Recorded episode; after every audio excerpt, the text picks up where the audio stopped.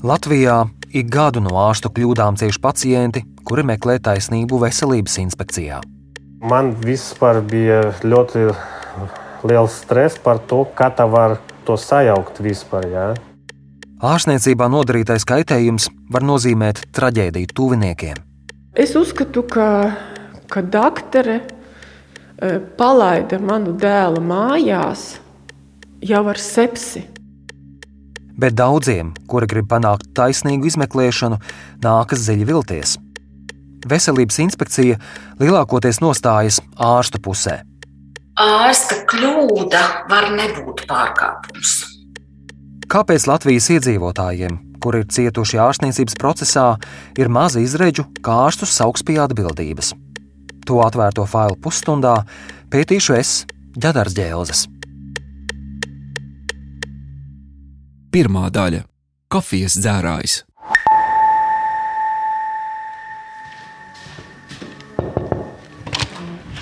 Labdien! Jā, sveiki, naktī.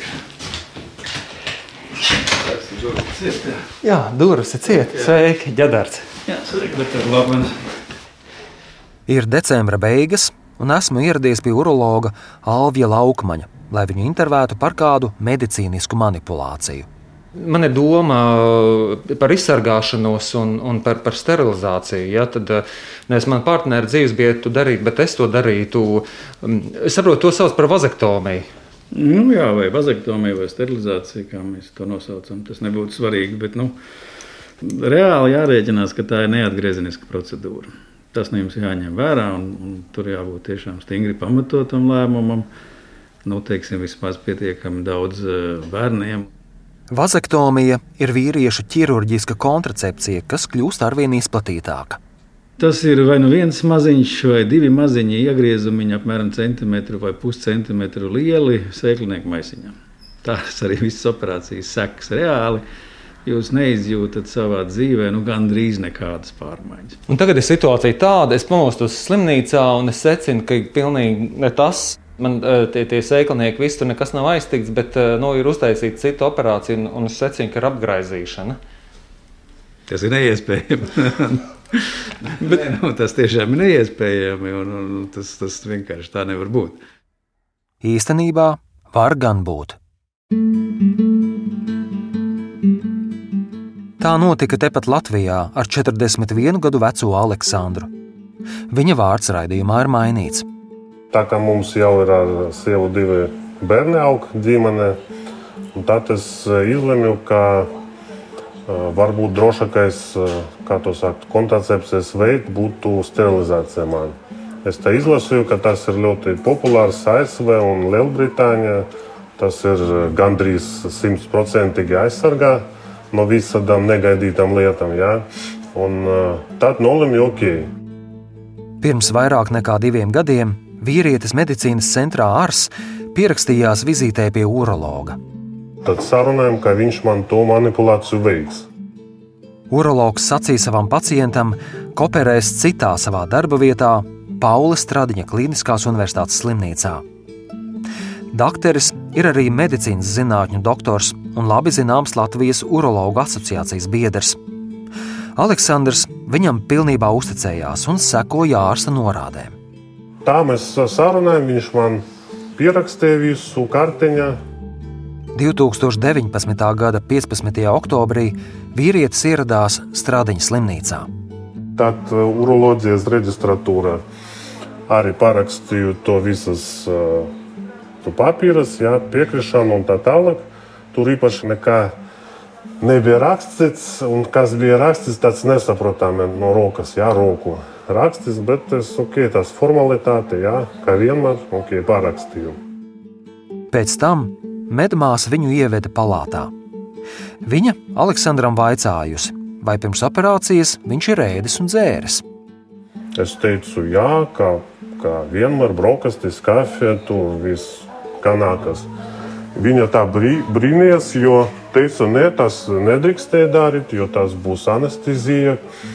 Es teicu, ka nē, dakteris neko ne, nebija teicis, jo paskaidroja, ka tas būs vienkārša vietējā anestezija, tas nekādu to ierobežojumu ēšanai un dzeršanai nav. Nu, jā, viņa tā pasmējas, kā esmu kafijas dzerātājs. viņa tā, tā jokoja tur vēl vienu reizi vai divas reizes. À, kafijas dzerātājs atbrauca uz operāciju. Neviens neko vairāk Aleksandram nav jautājis un par gaidāmo operāciju skaidrojis. Medmāsa drīz vien vīrieti ievedusi operāciju zālē, Viņam inicējuši anesteziju mugurā, un tas pats urologs, kurš Aleksandru pieņēma vizītē medicīnas centrā ārs, sācis operāciju. Ja operācija beigas, tad uh, atvedā atpakaļ uz palātu. Un es tā brīnījos, ka es nejūtu kājas, jā, bet tas man teica, vizītes laika teica, ka, ka es varu doties mājās pēc pus, pusstundas pēc operācijas. Jā, bet es jau es jau sapratu, ka tas, tas ir kāds, kāda fantastika, ja, jo es nejūtu kājas, kā es varu iet. Aleksandram nācies pavadīt nakti slimnīcā. Nākamajā dienā, pirms izrakstīšanas no slimnīcas, medmāsa nomainījusi pārsēju. Procedūras gaita, protams, es sapratu, ja, ka tas it kā nesakrīt ar to, kā es esmu gaidījis. Uz brīdi atgriežos urologa Alvija Laukmaņa kabinetā un jautāju doktoram par cirkumcīzijas operāciju. Nu, tā ir dzimumlocekļu priekšādiņas apgaizīšana, jau nogriešana. Gan sterilizācija, gan arī cirkumcīzija ir mazās ķirurģijas operācijas. Tās veids ar tādu pašu anestēziju, un parasti pacientiem pietiek ar uzturēšanos dienas stacionārā ja viņš ir cilvēks, kuram kā, nu, bija vēlme dzīvot ar to priekšādiņu, noteikti tas viņam sagādāja kaut kādas zināmas. Nu, Baudas, nu, tas ir nu, jāsaka, neatgrieznisks zaudējums. Ja, jo to priekšādiņu atjaunot nu, nevarēs. Ja, tā, tad viņš paliek bez. Pirms ko teikt ārstiem, Aleksandrs pieprasīja medicīniskās dokumentācijas kopijas. Ambulatorā pacienta karte no ārsta centra apliecināja, ka viņš vēlas veikt sterilizāciju. Arī izrakstā no Stradiņas slimnīcas bija pieminēta vazektomija. No kā to sākas tie, tie mēli vispār šajā lietā? Bija papildus, bija ierakstīts, ka apskatīšanas eh, laika pirms operācijas man bija konstatēta fimoze un bija ieteicams veikt to cirkumcēziju. Pacienta medicīniskajā kartē bija vēl kas negaidīts.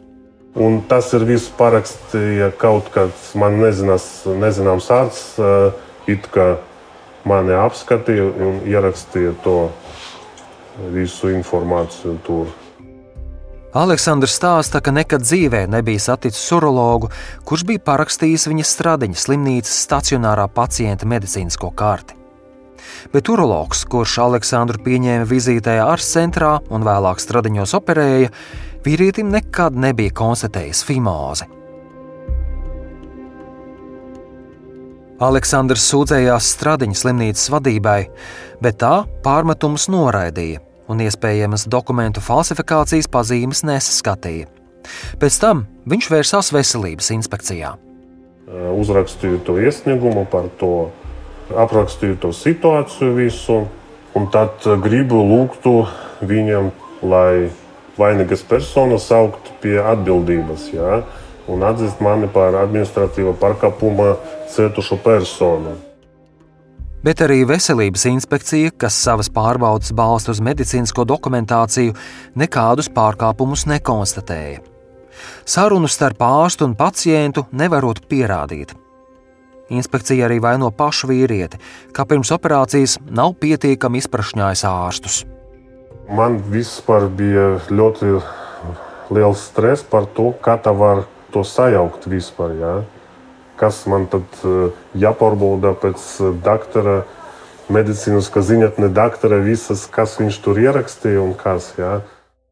Veselības inspekcija savu gala lēmumu viņam atsūtīja pusgadu pēc sūdzības.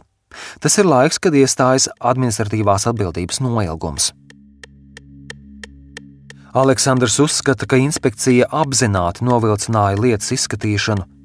Tādēļ viņš tiesas ceļā cenšas panākt, ka inspekcijas lēmumu atzīst par nelikumīgu. Tāpat viņš pieprasa naudas sodu par viņa personas datu aizsardzības pārkāpumiem. Aleksandrs arī cer iegūt atlīdzību par ārstu nodarīto kaitējumu no ārstniecības riska fonda, bet tā ir atkarīga vai inspekcija ir konstatējusi ārsta kļūdu. Un, protams, ka acīm redzot, ka rezultāti būs tādi pats, jā, jo to izskatīs tagad eh, arī veselības inspekcija. Jā. Aleksandrs nav vienīgais, kurš šaubās par veselības inspekcijas darbu un tās atzinumu ir apstrīdējis. Otra daļa - Māmu, bet es esmu dzīves.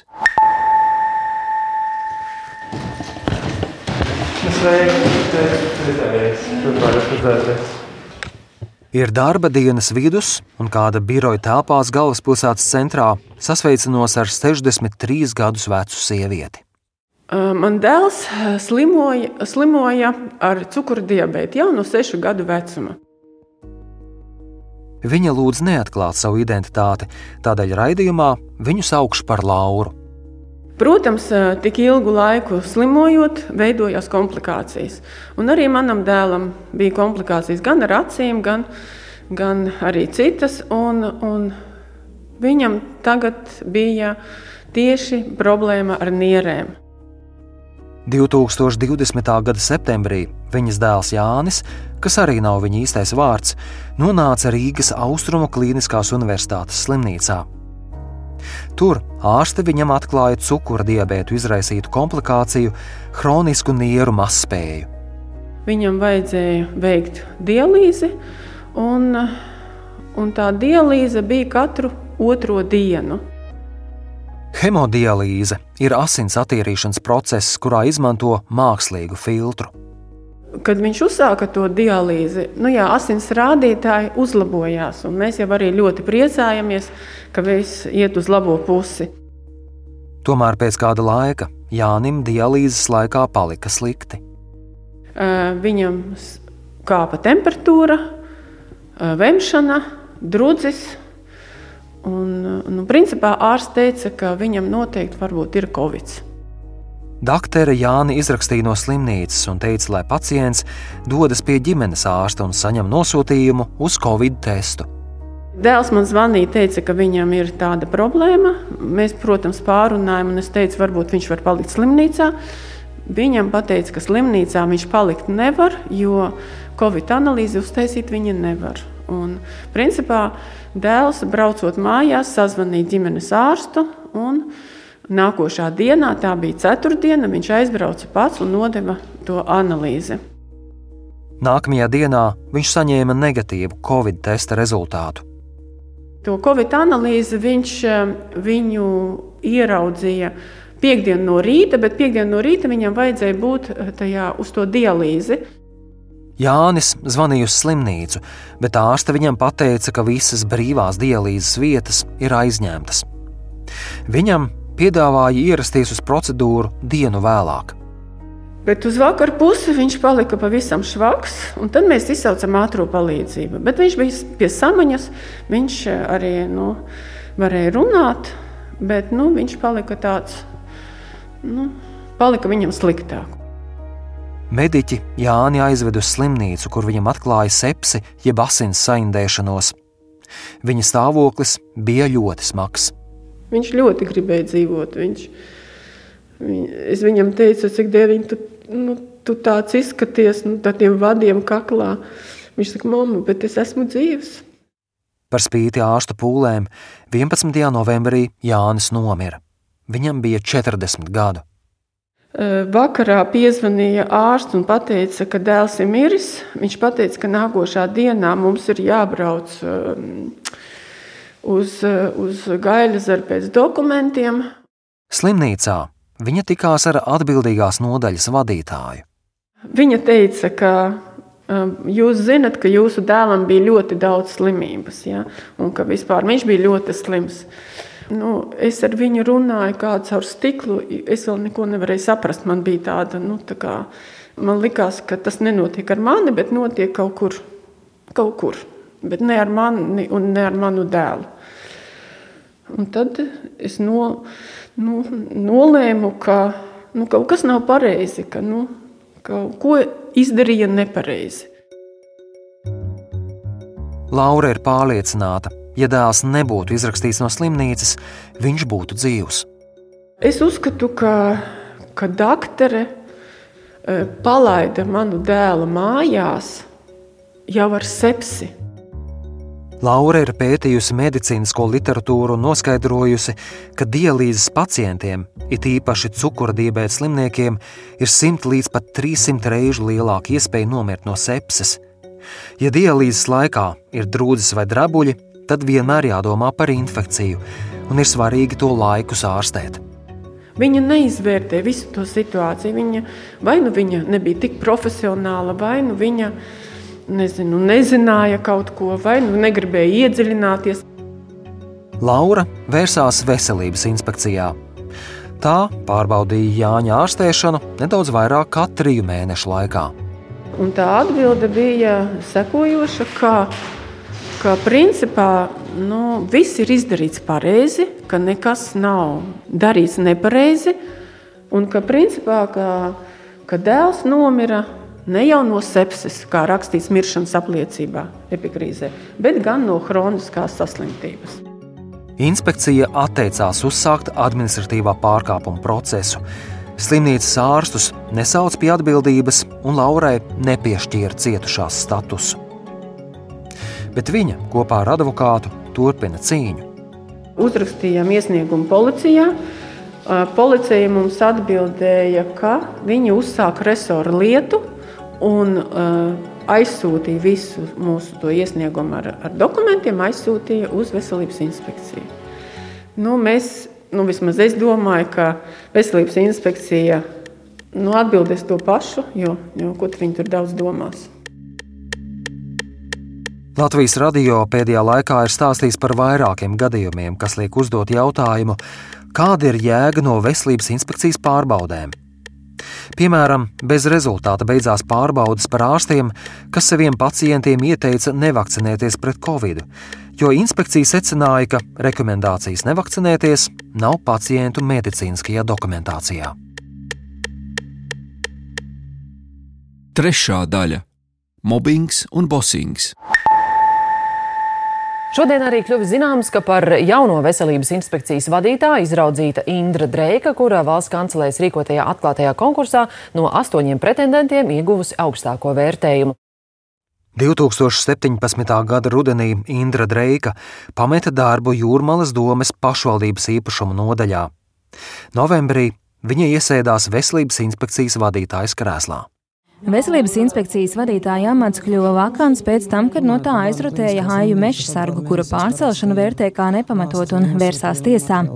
Mešsarga to sauca par atriebību, jo inspekcija lūdza ģenerāla prokuratūru vērtēt valsts naudas izlietojumu bērnu slimnīcā un stradaņos laikā, kad šo iestāžu vadībā bija pašreizējā ministre Handa Čakša.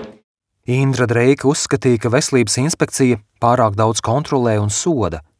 Tā vietā jāpievēršas prevencijai. Personāla pārmaiņas inspekcijā viņa neplānojot. Tomēr Dreikas atnākšana iezīmēja pārmaiņas tieši inspekcijas personālam.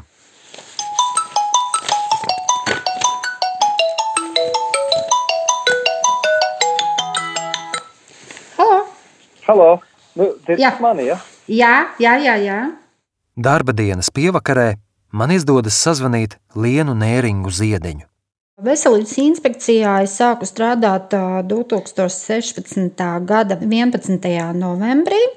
Pēc tam 2017. gada janvārī, tas ir nepilni divi mēneši, es strādāju resursu departamentā par referenti. Mani pārcēla par dokumentu pārvaldības nodaļas vadītāju. Pēc kāda laika viņas darba ikdiena sāka pārvērsties. 1. novembrī veselības, bijusi veselības inspekcijas vadītāja Indra Dreika stājās samatā. Tas ir novembris. Un decembrī, kā jau parasti, vienmēr ir saka, darbinieku apbalvošana vai uzslavēšana, vēl kaut kas. Un tur bija naudas balva. Nēringa Ziediņa stāsta, ka viņa bija viena no dažiem, kam neizmaksāja naudas balvu, jo viņa neatbilda kritērijiem kas man likās baigi jocīgi. Mums vispār nebija nekādas vēl nu, tādas sadarbības un vēl kaut kas.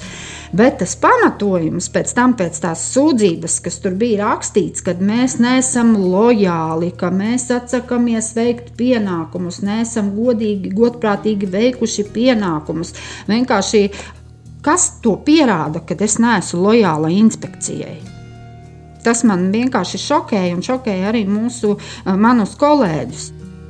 Pēc divus mēnešus ilgas pretstāves Nēringa Ziediņa veselības problēmu dēļ devās ilgstošā prombūtnē. Un 2019. gada 15. februārī es atgriezos atpakaļ veselības inspekcijā. Bet, diemžēl, atgriežoties atpakaļ, mans amats bija likvidēts, nodaļa amats. Ja? Un tad sākās tā interesantā dzīve. Nēringas ziediņas veselības dēļ viņu nevarēja atlaist, jo viņu sargāja darba likums. Tādēļ inspekcija vērsās pret viņu tiesā. Līdz ar to viņai bija jāmeklē jurista palīdzība. Vienlaikus inspekcija centās no sievietes atbrīvoties ar citādiem paņēmieniem. Es atgriežoties pēc slimošanas, man, man bija pilnīgi viss izdzēsts, visi mani datorā dokumenti, materiāli, viss, un uz lūgumu atjaunot to informāciju vienkārši ignorēja. Ja? Viņa sūdzējās valsts pārvaldes iestādēs, tostarp veselības ministrijai, kam ir tieši pakļauta veselības inspekcija. Nu, jā, diemžēl saņēmu atrakstīšanās vēstules Tiesības sargs ierosināja pārbaudi, tomēr secināja, ka Indras Dreikas rīcību pret savu darbinieci nevar uzskatīt par mobbingu un psiholoģisku teroru.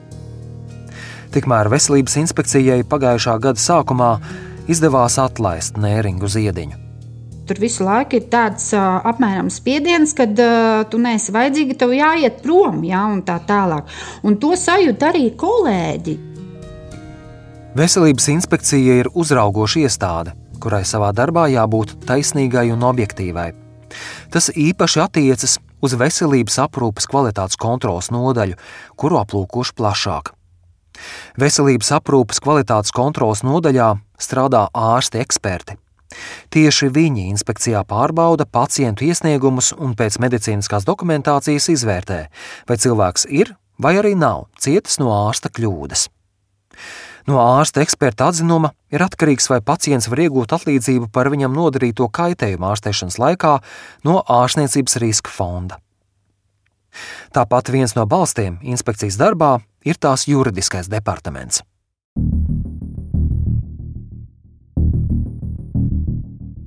Indras Dreikas vadībā inspekcijā notika būtiskas personāla pārmaiņas.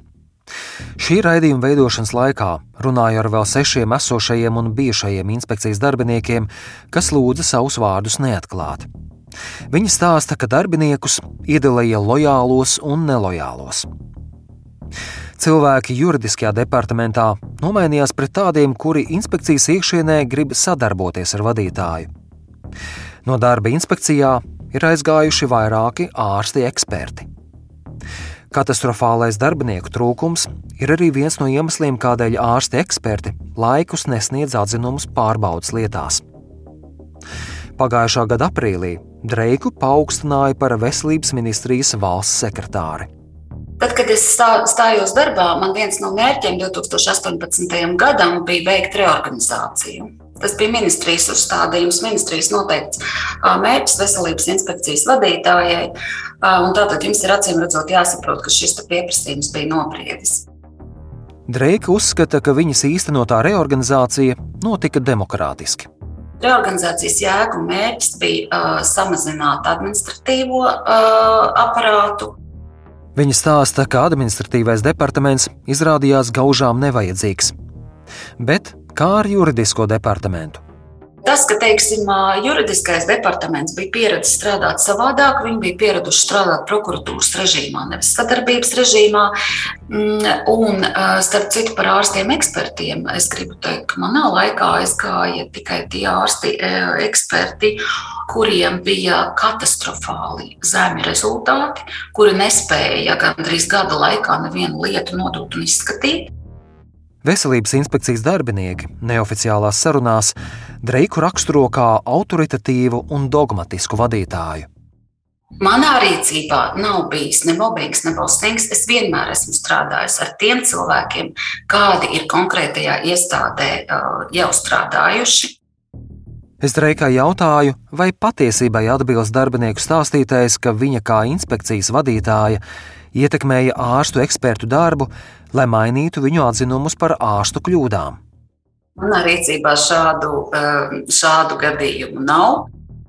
Viņa stāsta, ka ir daudz cīnījusies, lai panāktu, ka ārstniecības iestādēs novērstu iespēju ārstiem sistemātiski kļūdīties. Ārsta kļūda var nebūt pārkāpums, bet to vienmēr vērtē šīs ekspertīzes ietvaros. Pēc viņas teiktā, ārsta kļūdu un pārkāpumu nevar likt vienā maisā, jo tās ir divas dažādas lietas. Ja gadījumā ārsta rīcībā ir kaut kas tāds, kas ir pārkāpums, kas ir apzināta nepareiza rīcība, apzināta kaut kāda noteikuma pārkāpums, tādā gadījumā vienmēr ir jāsako gan atbilstošai konstatācijai, gan atbilstošām sankcijām. Bet, ja ārsts ir pieļāvis medicīnisku kļūdu, veselības inspekcijai esot jāsaprot, kas ir šīs kļūdas cēlonis. Pēdējo deviņu gadu laikā inspekcija no pacientiem ir saņēmusi apmēram pusotru tūkstošu iesniegumu ārstniecības riska fondam. Atlīdzību izmaksāja piektajai daļai. Man atbilde uh, nav ne maz, ne daudz. Dreika pauž, ka galvenais ir tas, lai ārstu ekspertu atzinumi riska fonda lietās ir pamatoti. Dreikas praksi veselības inspekcijā tagad turpina Anita Slokenberga, kura tur sāk strādāt kā Dreikas vietniece.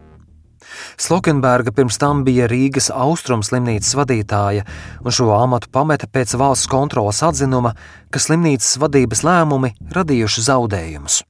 Mēs īsti nebijām pazīstamas, bet jā, man bija ļoti liels respekts pret viņu, kā pret ārstu, kā pret organizatoru.